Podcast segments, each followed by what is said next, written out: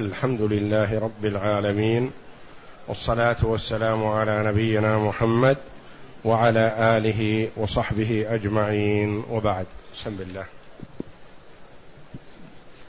بسم الله الرحمن الرحيم. قال المؤلف رحمه الله تعالى باب الإبراد في الظهر من شدة الحر. الحديث التاسع بعد المئة.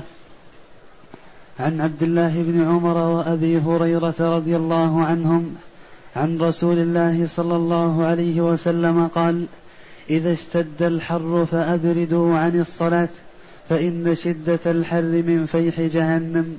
نعم الحديث العاشر. الحديث العاشر بعد المئة عن أنس بن مالك رضي الله عنه قال كنا نصلي مع, مع رسول الله صلى الله عليه وسلم في شدة الحر فإذا لم يستطع أحدنا أن, يمك أن يمكن جبهته من الأرض بسط ثوبه فسجد عليه. هذان الحديثان الحديث الأول عن عبد الله بن عمر وأبي هريرة رضي الله عنهم. قال رضي الله عنهم وهما اثنان لأن عبد الله بن عمر أبوه عمر بن الخطاب رضي الله عنه. فإذا كان الراوي صحابي وأبوه صحابي فيقال رضي الله عنهما يعني عنه وعن أبيه. معهم أبو هريرة رضي الله عنه فيكون ثلاثة فيقال رضي الله عنهم.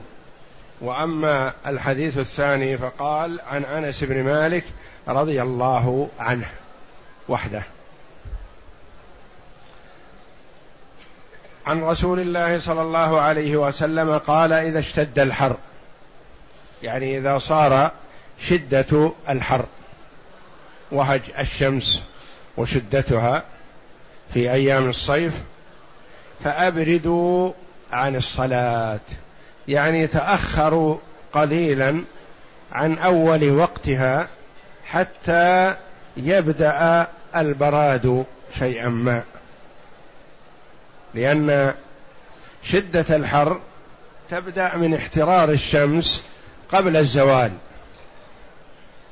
ثم تصل إلى نهايتها مع الزوال ثم تبدأ بعد الزوال بلطف الجو شيئا فشيئا. إلا أن الأرض لا تزال حارة. فلذا لا تعارض بين الحديثين. لأنه ممكن أن يبرد بصلاة الظهر وتكون الأرض حارة. لأن الأرض لا تبرد إلا قرب العصر أو بعد العصر. قد لا يستطيع المرء السجود عليها في صلاة العصر لأن الأرض تبقى حارة وقتا. فأبردوا عن الصلاة يعني انتظروا حتى يدخل ويبدأ وقت البراد. فإن شدة الحر من فيح جهنم. شدة الحر من جنس فيح جهنم. منفر ومرغوب عنه. والمرء مأمور بأن يتحرى الخشوع في الصلاة. وأن يحاول إبعاد كل ما يشغله أو يذهب خشوعه أو يشغل فكره. من حر أو برد أو احتباس بول أو احتباس غائط أو شدة الرغبة والشهوة إلى الطعام وقد حضر أو غير ذلك من المنغصات. ومن ذلك مثلا ما يكون المرء مشغول به قبل الصلاة. فلذا استحب أن يتنفل قبل الصلاة حتى يتهيأ للدخول في الصلاة بخشوع. بخلاف ما إذا مثلا انصرف من عمله أو شغله أي شغل كان ثم دخل في الفريضة.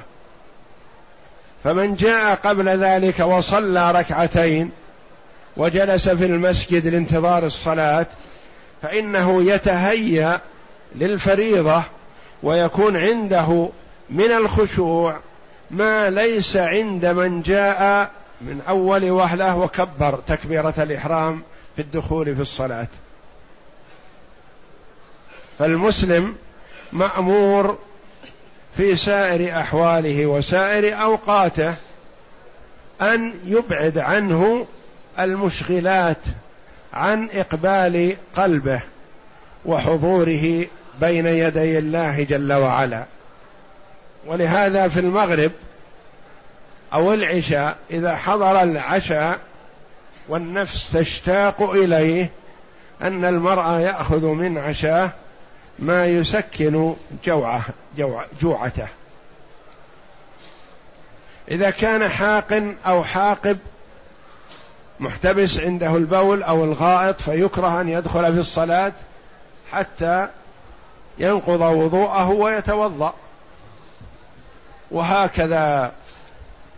فهذا الحديث في هذا فيما دل عليه خاصة وفيما فهم من معناه عامة عن كل ما يشغله عن الإقبال على صلاته ينبغي أن يبعده عنه.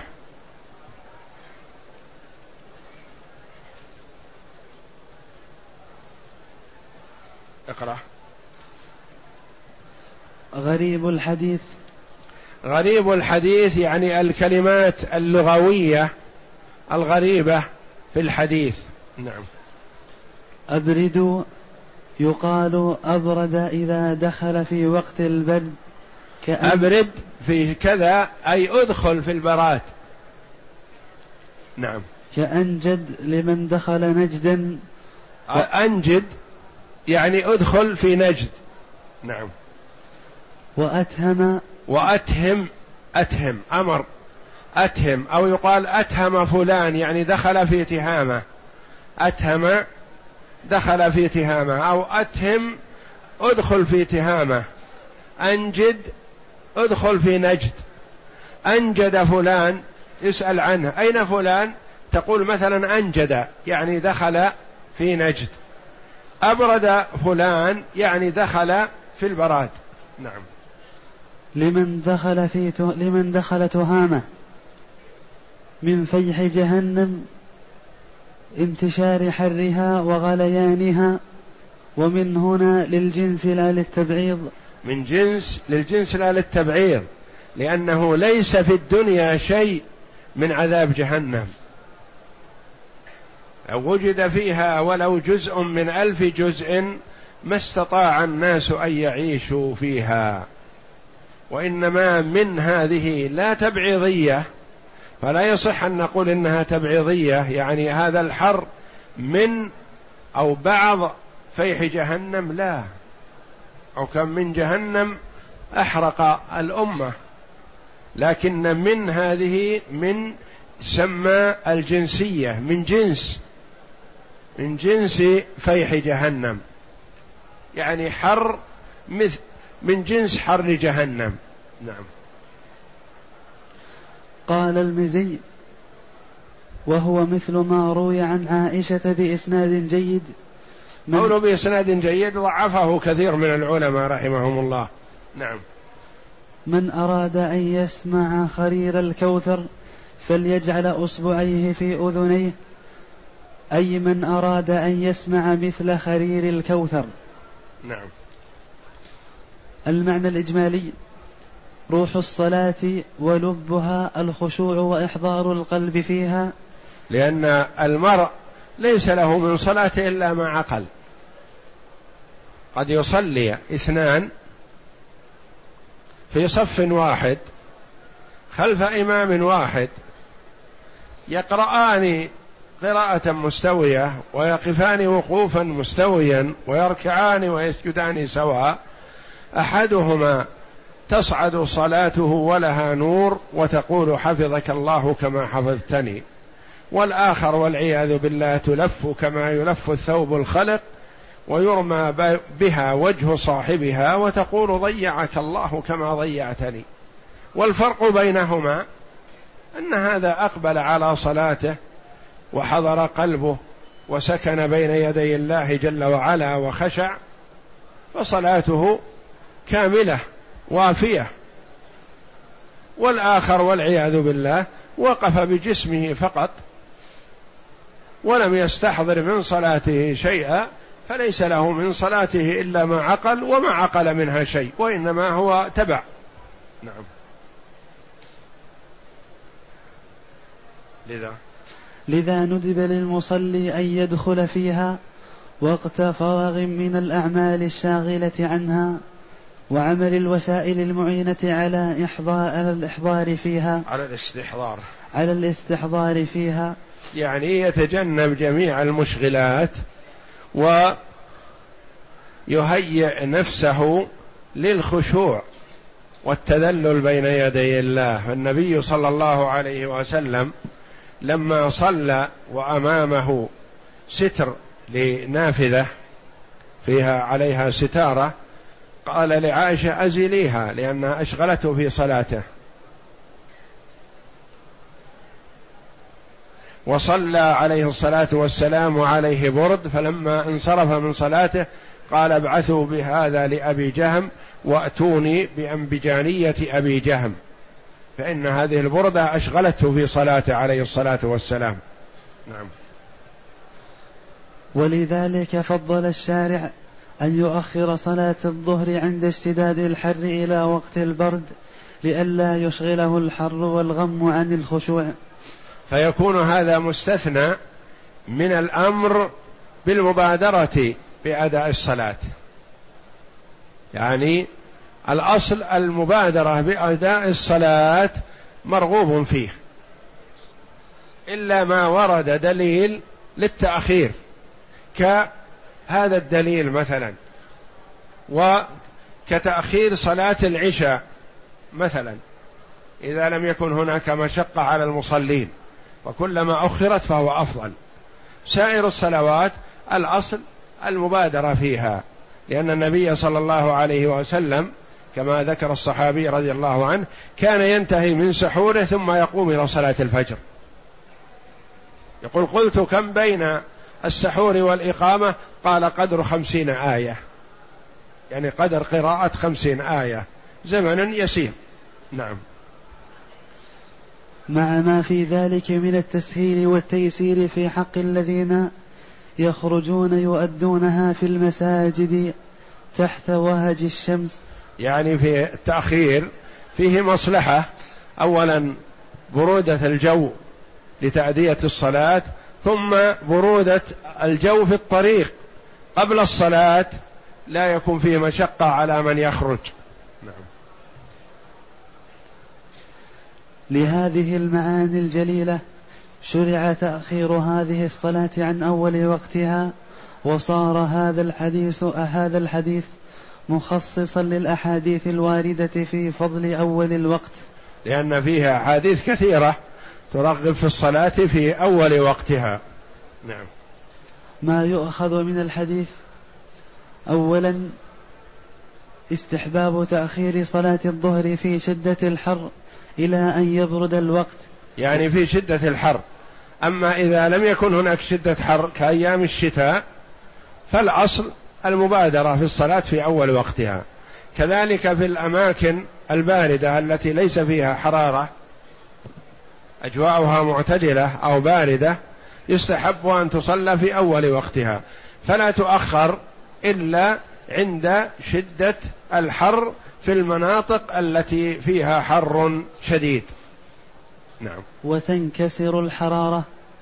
قال العلماء ليس للإبراد في, في الشريعة تحديد.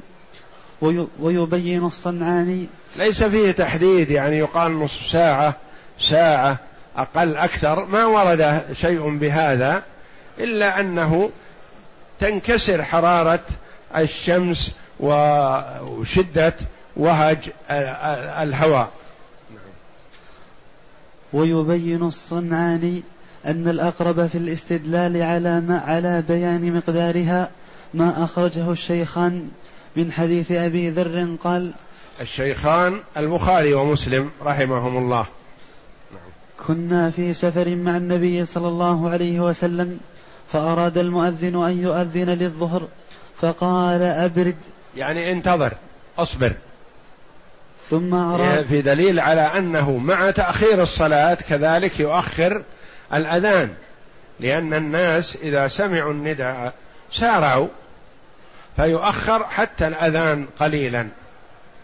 إلا إذا تعورف على أن الأذان يؤذن عند دخول الوقت مثلا لأجل من أراد أن يصلي من مريض لا تلزمه الجماعة ومن امرأة في البيت ونحو ذلك من أهل الأعذار فيؤذن في أول الوقت ثم يعرف أن الإمام يؤخر الصلاة في شدة الحر نصف ساعة مثلا وفي غير شدة الحر يكون التأخير ربع ساعة وهكذا مثلا بحيث أنه يكون شيء معلوم.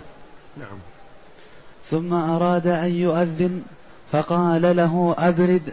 كذلك مرة ثانية يعني مرتان يقوم المؤذن ليؤذن والنبي صلى الله عليه وسلم يؤخره يقول له أبرد. حتى رأينا فيء التلوة فهو يرشد حتى رأينا فيء التلول يعني التل الشيء المرتفع قليلا من رمال وغيرها مثلا.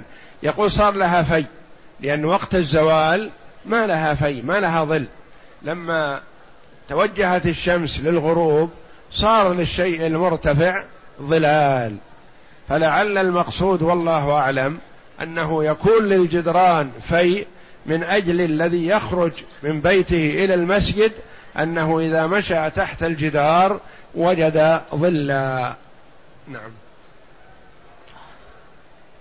فهو يرشد إلى قدر الإبراد وأنه ظهور الفيء للجدران ونحوها. للجدران ونحوها من التلال والجبال وكثبان الرمال ونحوها. نعم. ثانيا أن الحكمة في ذلك هو طلب راحة المصلي ليكون أحضر لقلبه وأبعد له عن القلق. يعني أن الحكمة والهدف من التأخير ما هو؟ هو لأجل أن يدخل المصلي في صلاته مقبلا عليها سالما من المنغصات والمشغلات. نعم. ثالثا أن الحكم يدور علته فمت يدور مع علته. يدور مع علته يعني الأحكام الشرعية مفهومة العلة غالبا. إلا ما كان من باب التعبد فهذا نقول فيه سمعنا وأطعنا. لأن الأحكام الشرعية منها ما هو تعبدي. يعني تعبدي أنه يلزمنا أن نطيع وأن نتعبد الله بذلك. عقلنا العلة اولى من عقلها فإذا عقلنا العلة فحسن. ما الهدف من التأخير؟ تأخير صلاة الظهر؟ قيل لأجل أن يبرد الجو.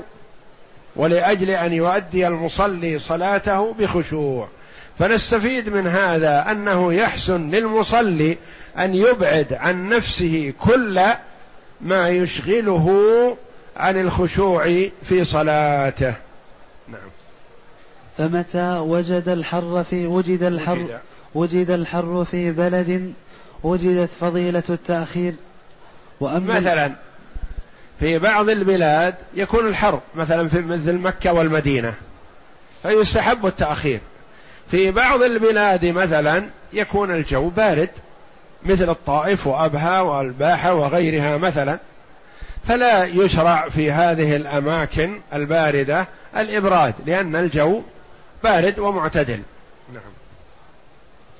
وأما البلاد الباردة فلفقدها هذه العلة لا يستحب تأخير الصلاة فيها. رابعا ظاهر الحديث والمفهوم من الحكمة في هذا التأخير أن الحكم عام في حق من يؤدي الصلاة جماعة في المسجد ومن يؤديها منفردا في البيت لأنهم يشتركون في حصول القلق من الحر. نعم. يعني هذا ليس خاصا في الذين يصلون في المسجد.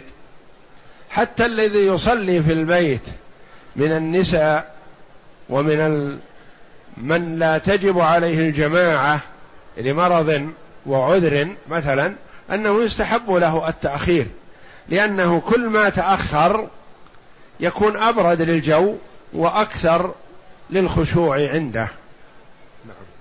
خامسا أنه يشرع للمصلي أن يؤدي الصلاة بعيدا عن كل شاغل عنها وملة فيها كل ما كان يشغل عن صلاته عن خشوعه أو يلهي من صور أو كتابات ونحو ذلك ولهذا كره العلماء رحمهم الله الكتابة في قبلة المسجد وتعليق أشياء تشغل أو يجعل المرء ينظر إليها فتشغله في صلاته فيستحب أن يكون المصلى والمسجد والمكان الذي يصلى فيه بعيد عن كل المشغلات. الحديث العاشر. الحديث العاشر بعد المئة. المعنى الإجمالي كانت عادة النبي صلى الله عليه وسلم عن أنس بن مالك رضي الله عنه قال كنا نصلي مع النبي صلى مع رسول الله صلى الله عليه وسلم في شدة الحر فإذا لم يستطع أحدنا أن يمكن جبهته من الأرض بسط ثوبه فسجد عليه. هذا الحديث من الأحاديث المتفق عليها وكذلك الحديث الأول. قد يقول قائل هذان حديثان متعارضان. كيف؟ نقول لا ليس متعارضين. بل هما حديثان صحيحان ولا تعارض بينهما والحمد لله. وإنما يظهر التعارض لمن لم يدرك المعنى. الأول أمر النبي صلى الله عليه وسلم بالإبراد. التأخير. كثير يعني ثلاث ساعات اربعه ساعات بعد الظهر؟ لا. يبرد إبرادا مناسبا. فإذا أبرد إبراد مناسب وجاءوا للصلاة مثلا في دون ظل وأرادوا أن يسجدوا على الأرض مثل في بطحاء مكة وغيرها مثلا هل يستطيع المرء مع الإبراد أن يمكن جبهته من الأرض؟ الشمس حارة الأرض حارة. ولو كان بدأ البراد بعد الزوال بنصف ساعة أو ساعة مثلا هل يستطيع أن يمكن جبهته من الأرض؟ ما يستطيع لحرارة الجو. وذلك أن الجو العام يبرد قبل أن تبرد الأرض. الأرض تبقى حرارتها زمنا أكثر. فلا تعارض بين الحديثين. الحديث الأول دل صراحة على الإبراد والحديث الثاني دل على أنهم لا يستطيعون السجود. على الأرض من شدة الحر وذلك لحرارة الأرض لا لحرارة الجو. نعم.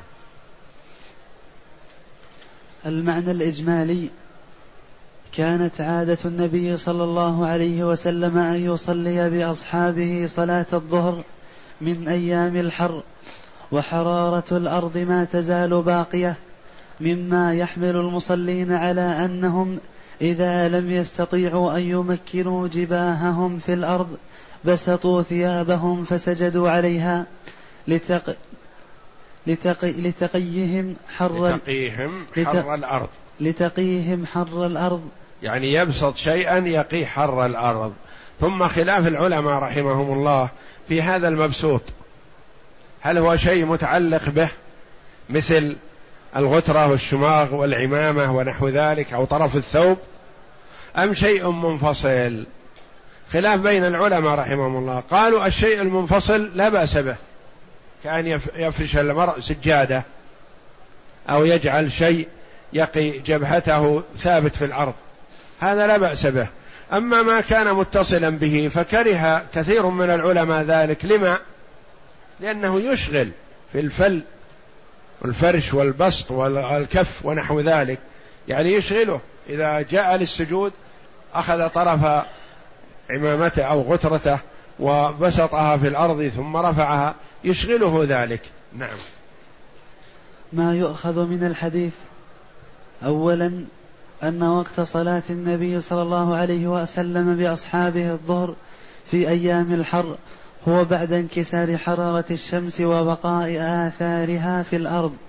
آثار الحرارة باقية في الأرض. نعم. ثانيا جواز السجود على حائل من ثوب وغيره عند الحاجة إليه من حر وبرد وشوك. وبرد وشوك وغبار ونحو ذلك أو رطوبة ماء أو نحو ذلك. إذا كان هناك مبرر فلا بأس. وإذا لم يكن هناك مبرر فالأولى ألا يجعل لسجوده شيئا خاص. نعم. وبعض العلماء فضل فصل, فصل في السجود على الحائل فقال إن كان منفصلا عن المصلي كالسجادة ونحوها جاز ولو بلا حاجة بلا ولو بلا حاجة يعني لو كان سجادة ثابتة وضعها وصلى عليها لو لم يكن هناك حجة حاجة فلا بأس لأنها لا تشغله. نعم. وإن كان متصلا به كطرف ثوبه فيكره إلا مع الحاجة. يعني يكره أن يتخذ شيئا متصلا به إلا إن كان هناك حاجة فلا كراهة. لفعل الصحابة رضي الله عنهم. كان الصحابة يسجدون على طرف ثيابهم من أجل حرارة الشمس. لكن بدون حاجة لا ينبغي أن يسجد على شيء متصل به لأنه يشغله. نعم. ظاهر هذين الحديثين التوفيق, التوفيق. بين الحديثين. التوفيق بين الحديثين. نعم.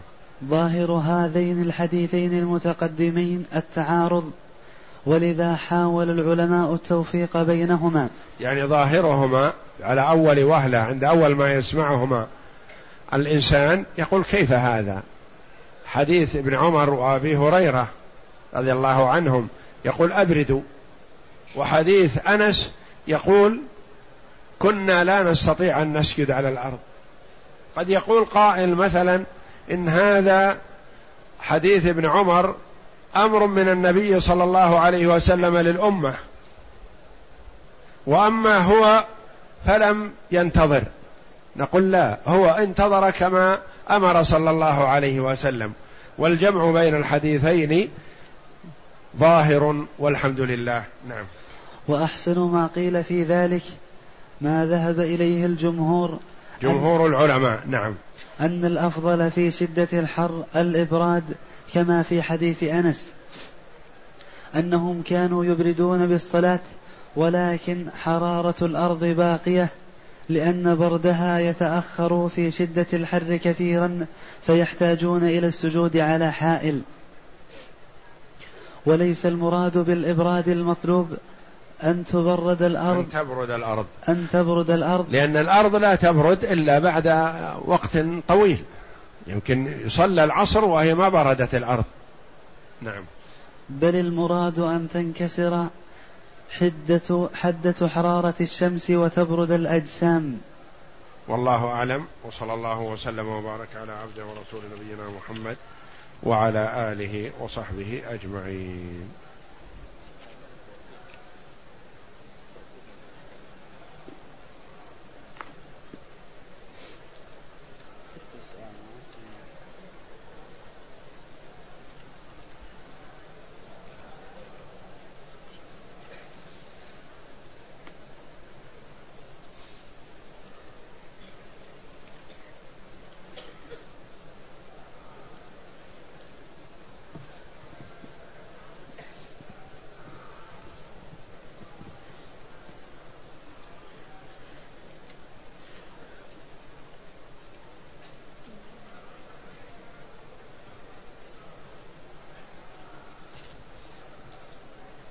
يقول السائل شخص جاء موعد موعد الطائرة فجأة وما لحق أن يطوف طواف الوداع فماذا عليه؟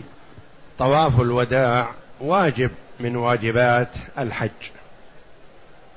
والحمد لله أن الواجب إذا تركه الحاج يجبره الدم فإذا لم يستطع الدم فالصيام. ثم إن الحال تختلف من حيث الإثم وعدمه. إذا ترك الواجب لغير عذر أو فعل المحظور لغير عذر استسهالا للدم فهذا يلحقه الإثم وعليه الدم. وإذا فعل المحظور أو ترك الواجب لعذر فلا إثم وعليه فدية ذلك وهو الدم والدم يكون بمكة هدي فإن لم يستطع الهدي صام عشرة أيام في أي مكان. فمثلا إذا كان المرء يعلم سفره أنه غدا لكن لا يدري أي ساعة فممكن أنه كلما خرج من المسجد الحرام ودع لاحتمال أن يقال له هلم إلى السفر. فإذا نوى بطوافه الوداع صح فإن لم يسافر فلا حرج عليه يعود إلى المسجد الحرام ويطوف ثانية وثالثة فإن سافر فإذا هو قد ودع. فإن سافر بدون طواف وداع فيجب يجبره يقول السائل ما هو الدعاء الذي يقال في طواف الوداع؟ تدعو بما أحببت من خيري الدنيا والآخرة وتكثر من ذكر الله. ليس لطواف الوداع دعاء مخصوص. يقول السائل هل ورد في السنة النبوية صلاة تسمى صلاة التسبيح؟ صلاة التسبيح أو التسابيح وردت في بعض أحاديث ضعيفة فلا يعتد بها. والحمد لله أوامر ونواهي شرعنا بحمد الله ثابتة في أحاديث صحيحة. لا مجال للشك فيها. فلا ينبغي لنا أن نتعلق بأشياء لم تثبت.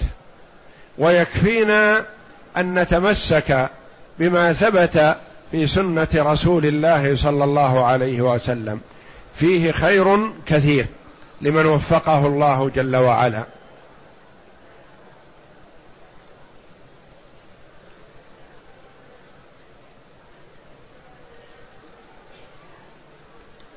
يقول السائل الملاحظ الآن نصلي صلاة الظهر في أول وقتها فكيف يتفق مع قول النبي صلى الله عليه وسلم؟ هو يتفق والحمد لله لأن الصلاة في المساجد العادية والأماكن عموما يؤخر تؤخر الصلاة إلى ثلث ساعة وأكثر وهذا يعتبر إبراد. وأما بالنسبة للمسجد الحرام فنظرا لكثرة المصلين واجتماعهم من قبل الصلاة بوقت طويل قد يكون من المناسب المبادرة لأن في هذا تخفيف على الناس لأن الغالب في المسجد الحرام مع كثرة المصلين وكثرة الناس أنهم يأتون قبل الصلاة بوقت طويل. فمن جاء قبل دخول الوقت بوقت طويل ثم أخر بعد دخول الوقت يكون في هذا عليه مشقة. فمن الحكمة أن يبادر بالصلاة في مثل المسجد الحرام والمسجد النبوي تخفيفا على الناس ولله الحمد.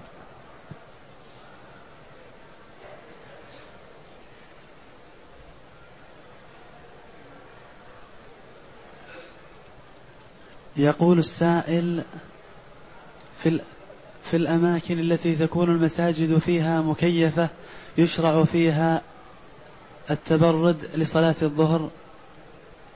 نعم الإبراد ينظر فيه. إذا كان الناس يجتمعون في المساجد قبل الظهر والمساجد مكيفة فمن الحكمة المبادرة. لئلا يشق على الناس. وإذا كان الناس يأتون من بيوتهم بعد الأذان فلعل من الحكمة التأخير. لأن كما وإن كانت المساجد مكيفة لأننا نلاحظ مجيء الناس إلى المساجد. فلا نضطرهم إلى المبادرة في وقت الحر الشديد ووهج الشمس.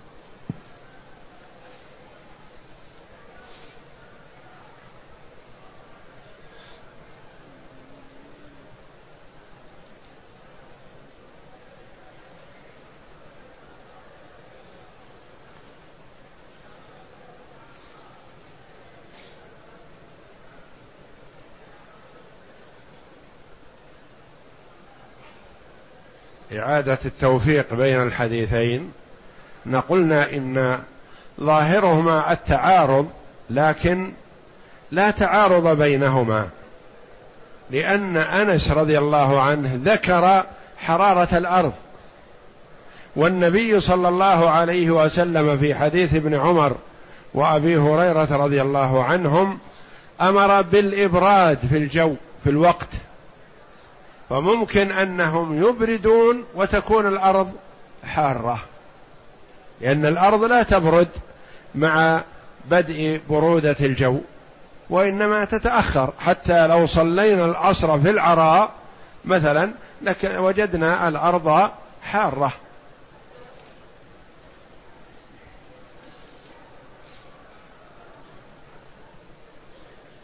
يقول السائل هل يجوز لمن طاف طواف الوداع أن يشتري شيئا لأهله من جدة؟ قال بعض العلماء إذا طاف الحاج طواف الوداع فلا يشتري شيئا للتجارة وإنما لحاجته يشتري ما شاء أو لأهله من مكة.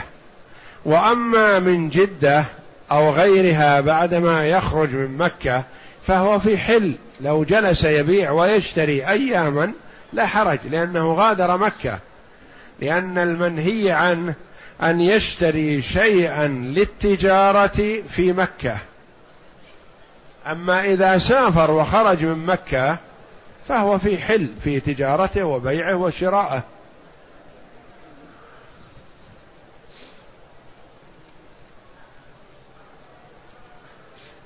تقول السائلة هل يجوز للمرأة أن تعطي زكاة مالها لزوجها؟ هذا محل خلاف بين العلماء رحمهم الله. هل تعطي زكاة مالها لزوجها؟ أما زكاة التطوع فلا شك أنه يجوز. صدقة التطوع لها منها عنها أو عن والديها تعطيها لزوجها إذا كان من أهل الصدقة. وأما الزكاة الواجبة فالأولى الا تدفعها لزوجها لأنها قد تحابيه فلا تخرج شيئا من زكاتها وإنما تصرفها كلها لزوجها. وقد يكون بحكم تأثيره عليها مثلا يأخذ زكاتها كلها فلا يخرج منها شيء. وربما لا يكون في حاجة ماسة إليها فتؤثره بها وهو ليس محتاج. فلا تدفع الزكاة للوالدين وإن علوا ولا للأبناء والبنات وإن نزلوا. وكذلك لا يدفع الزوج زكاته لزوجته لأن نفقتها واجبة عليه. والخلاف في دفع الزوجة زكاتها لزوجها ولعل الأولى ألا تدفعها له.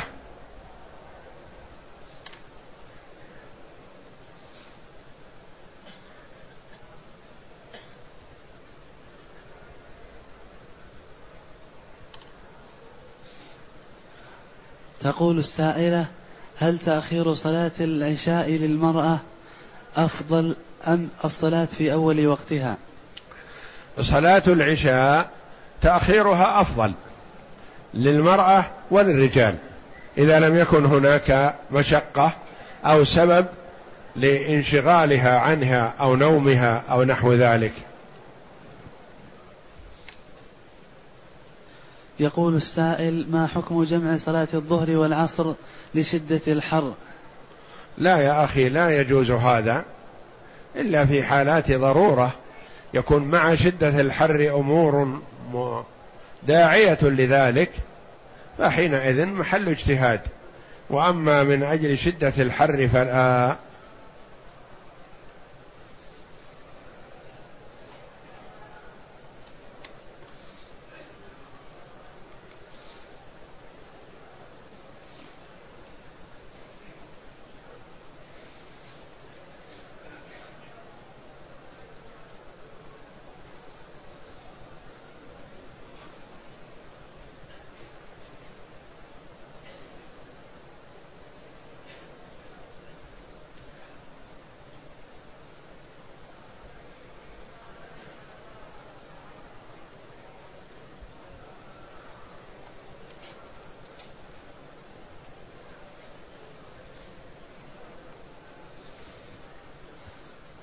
يقول السائل صليت العصر ولم أصلي الظهر لأنني لم أستيقظ إلا مع صلاة العصر. يقول عليه الصلاة والسلام من نام عن صلاة أو نسيها فليصلها إذا ذكرها لا كفارة لها إلا ذلك. فإذا كان المرء أخذه النوم وليس من عادته ذلك حتى لم يستيقظ إلا بعد دخول وقت صلاة العصر فالواجب عليه أن يبادر بصلاة العصر صلاة الظهر أولا ثم يصلي العصر بعد ذلك. فإن دخل المسجد والإمام يصلي العصر وهو لم يصلي الظهر فالواجب عليه أن يصلي أن يدخل مع الإمام بنية صلاة الظهر. فإذا انتهى من صلاته قام وصلى صلاة العصر أو صلى في ناحية من المسجد صلاة الظهر اولا ثم دخل مع الإمام في صلاة العصر إن أمكنه ذلك. ولا يجوز له أن يدخل مع الإمام بنية صلاة العصر وهو لم يصلي صلاة الظهر. فإن دخل فقد أخطأ. فعليه بعد الصلاة أن يصلي اولا الظهر ثم يعيد صلاة العصر لأنه لا يزال في الوقت.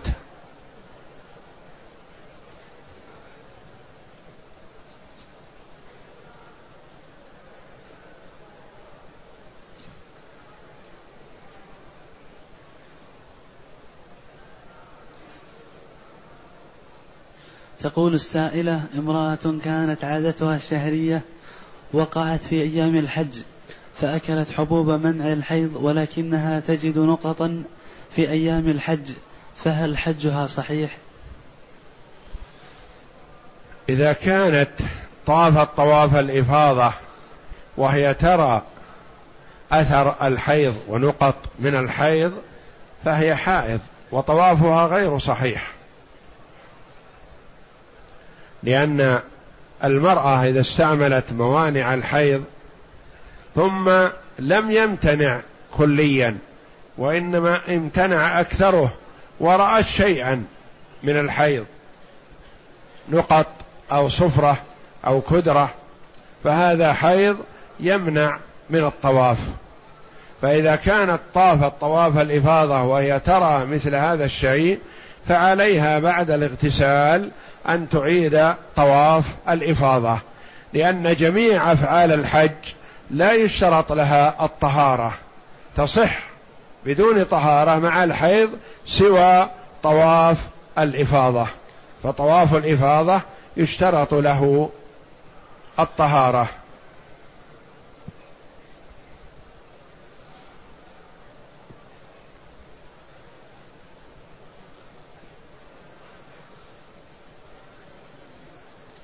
يقول السائل هل الأفضل في الطواف النظر إلى الكعبة أم إلى أمامه؟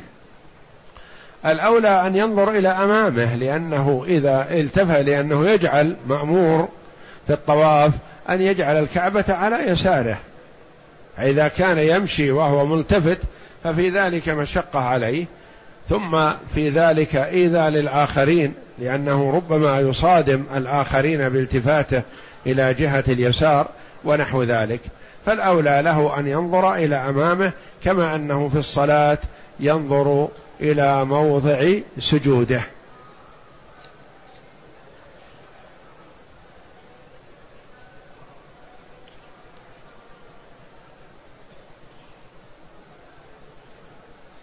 يقول ما هو درس غدا إن شاء الله؟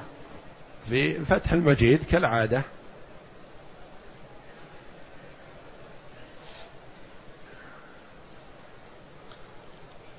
يقول السائل ما حكم التدخين؟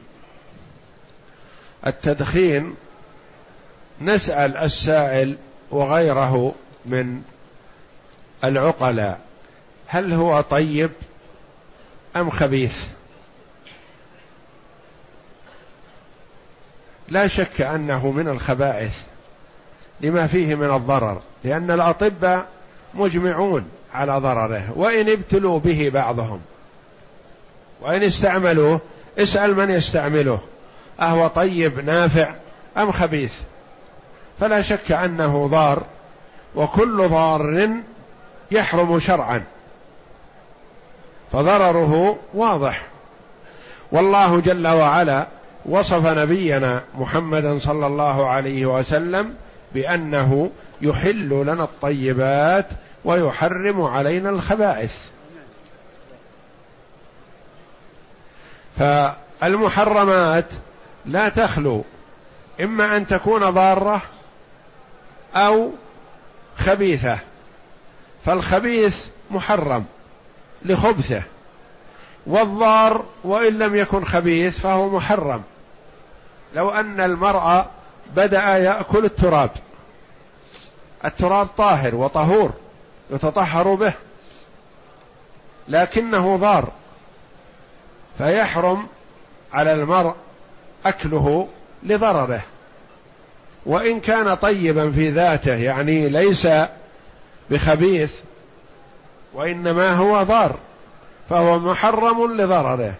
الدخان ضار وخبيث ورائحته كريهة ومؤذي مؤذ لمن يستعمله ومؤذ لغيره مؤذ لكل من يجالس من يستعمله.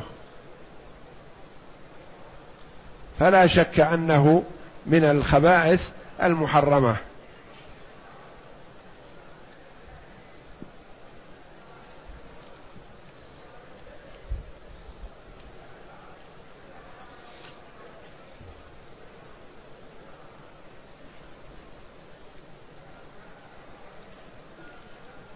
يقول السائل ما هو القصد من قول الرسول صلى الله عليه وسلم من أدرك ركعة من الصلاة فقد أدرك الصلاة.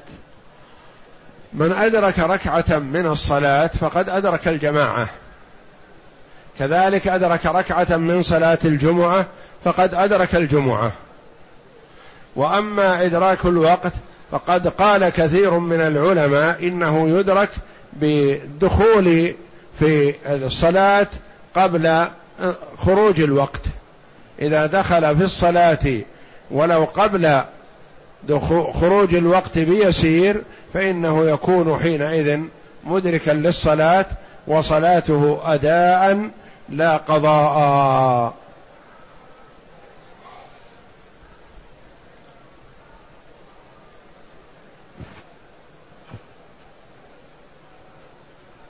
يقول السائل ما هو الأفضل أن نقول الحجر الأسود أم الحجر الأسعد؟ الرسول عليه الصلاة والسلام سماه الحجر الأسود ولا يسميه بالحجر الأسعد فنحن نسميه بالاسم الشرعي الوارد في السنة.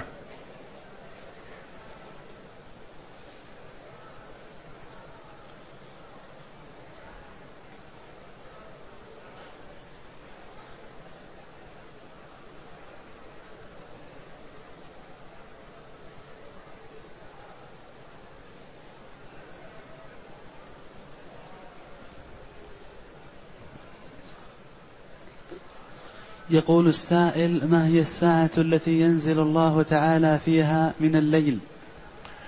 ورد في الحديث الصحيح أن الله جل وعلا ينزل إلى سماء الدنيا حين يبقى ثلث الليل الآخر نزولا يليق بجلاله وعظمته من غير أن يخلو منه العرش. وهو جل وعلا ينزل كيفما شاء وأراد جل وعلا.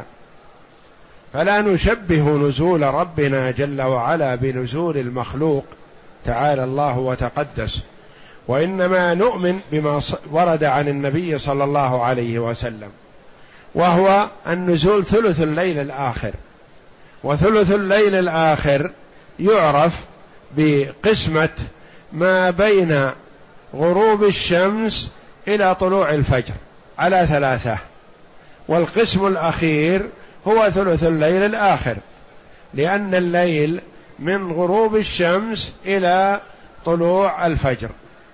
اقسمه على ثلاثة والناتج الثلث هو الثلث الأخير الذي ينزل به ربنا جل وعلا. يقول السائل هل حلق اللحى حرام؟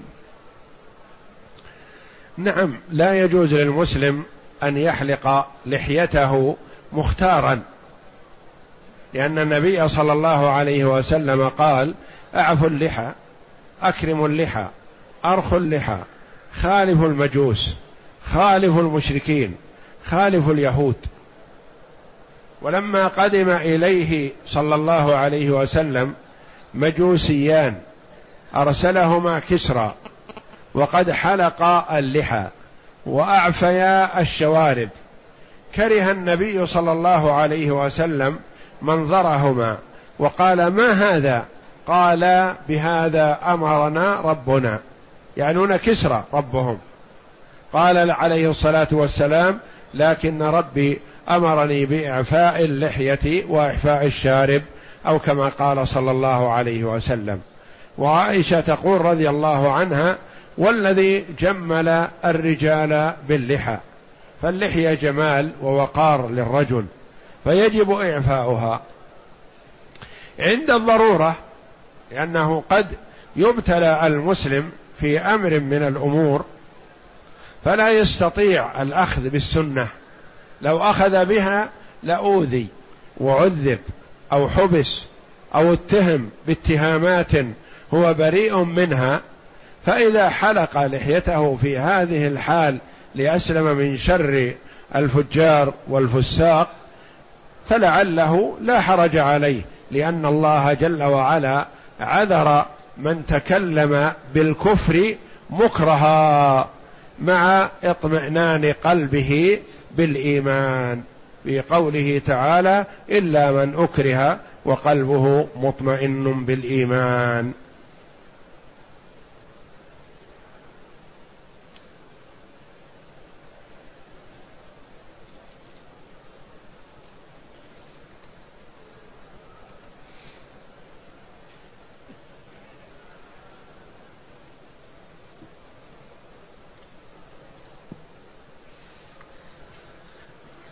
يقول السائل المصحف الذي في المسجد الحرام أن البسملة آية من آيات الفاتحة ولماذا الإمام لم يقرأها؟ الإمام يقرأها وكذا الأئمة لكن تقرأ سرا لأن الثابت من صلاة النبي صلى الله عليه وسلم كما ذكر أنس بن مالك رضي الله عنه وصلاة أبي بكر وعمر وعثمان كلهم يبدأون القراءة بالحمد لله رب العالمين جهرا. يعني يقرؤون البسملة سرا ثم يجهرون بالحمد لله رب العالمين. فهذا هو السنة والثابت ثم قد اختلف العلماء رحمهم الله. هل البسملة آية من الفاتحة؟ أم هي آية من كل سورة من سور القرآن؟ أم هي آية من القرآن ليست في الفاتحة ولا في غيرها؟ مع الاتفاق على أنها جزء من آية من سورة النمل. إنه من سليمان وإنه بسم الله الرحمن الرحيم. هذه جزء من آية باتفاق. لا خلاف في هذا. وإنما الخلاف. هل هي آية من القرآن لا من سورة بعينها؟ أم هي آية من الفاتحة؟ أم هي آية من كل سورة؟ أقوال. ولا حرج في هذا ما دامت أنها واردة في القرآن وهي جزء من آية من سورة النمل فهي من القرآن.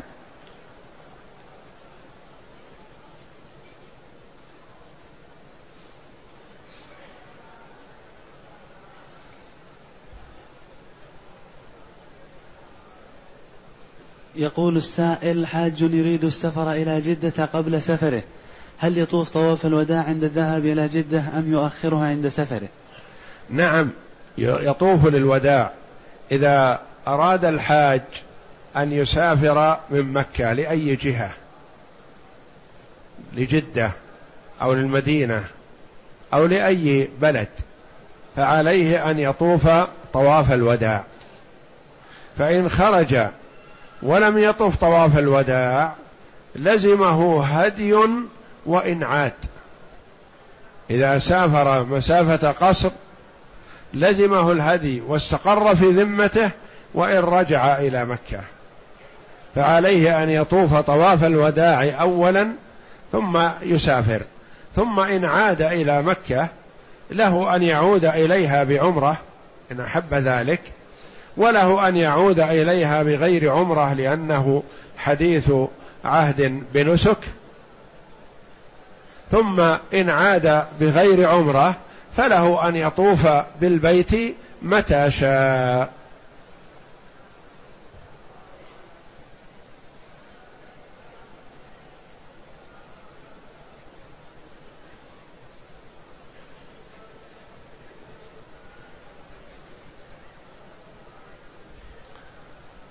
يسأل الأخ عن صلاة الوتر.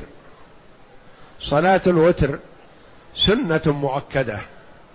واظب عليها النبي صلى الله عليه وسلم ولم يدعها لا حضرا ولا سفرا عليه الصلاة والسلام. وأقل الوتر ركعة. ولا حد لأكثره. لو أوتر بثلاث وعشرين أو بثلاث وأربعين أو سبع وثلاثين أو أكثر أو أقل فلا حرج.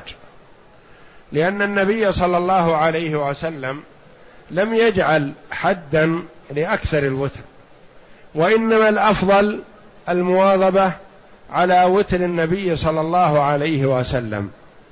كان وتره لا يزيد في رمضان ولا غيره على إحدى عشرة ركعة وفي رواية على ثلاث عشرة ركعة.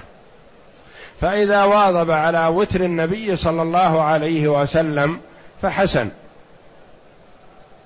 وأما أقله فركعة وأما وقته فوقته من بعد صلاة العشاء ولو مجموعة مع المغرب إلى قبيل طلوع الفجر. كل هذا وقت لصلاة الوتر. تقول عائشة رضي الله عنها من كل الليل أوتر النبي صلى الله عليه وسلم من أوله وأوسطه وآخره وانتهى وتره إلى السحر. فيجوز أن يوتر بعد صلاة العشاء ولو مجموعة مع المغرب. مثلا مسافر صلى المغرب في وقت المغرب وجمع معها العشاء. أو مريض صلى المغرب وجمع معها العشاء. فله أن يوتر بركعة بعد ذلك. وينام المريض أو المسافر يواصل طريقه في سفره. فإن أوتر أول الليل ثم قام من آخره فلا يعيد الوتر. قوله صلى الله عليه وسلم لا وتران في ليلة وإنما يصلي ما شاء بدون وتر. فصلاة الوتر لا تمنع من صلاة الليل. فمثلا المرء أوتر من أول الليل أو من وسط الليل ثم نام ثم لما استيقظ أحب أن يصلي. يصلي ما شاء شفعا بلا وتر. ثم إن المرء بحسب حاله. أحيانا يكون الأفضل له أن يوتر قبل أن ينام. واحيانا الأفضل له أن يوتر في آخر الليل. فمن كان يثق من نفسه القيام آخر الليل فالوتر آخر الليل أفضل. ومن كان لا يثق من نفسه القيام فالوتر أول الليل في حقه أفضل. لأن النبي صلى الله عليه وسلم وصى أبا هريرة رضي الله عنه وأبا ذر رضي الله عنه بالوتر قبل أن يناما. لأنهما كان ربما تاخرا في نوم الليل. يذاكران حديث رسول الله صلى الله عليه وسلم الذي سمعاه منه عليه الصلاة والسلام نهارا. فلذا أوصاهما بأن يوترا قبل أن يناما. وهو عليه الصلاة والسلام يوتر آخر الليل غالبا لأنه يثق من نفسه القيام. كما قال صلى الله عليه وسلم لما قيل له يا رسول الله أتنام قبل أن توتر؟ قال إنه تنام تنام عيناي ولا ينام قلبي. فهو عليه الصلاة والسلام يثق من نفسه أنه يقوم لصلاة الوتر. فمن كان يثق من نفسه القيام فالأفضل له أن يوتر آخر الليل. ومن لا يثق فالأفضل له أن يوتر أول الليل. ولا بأس أن يصلي المرء جزءا من وتره قبل أن ينام ويكمل وتره ويختمه بركعة واحدة إذا قام من آخر الليل عند نهاية الصلاة.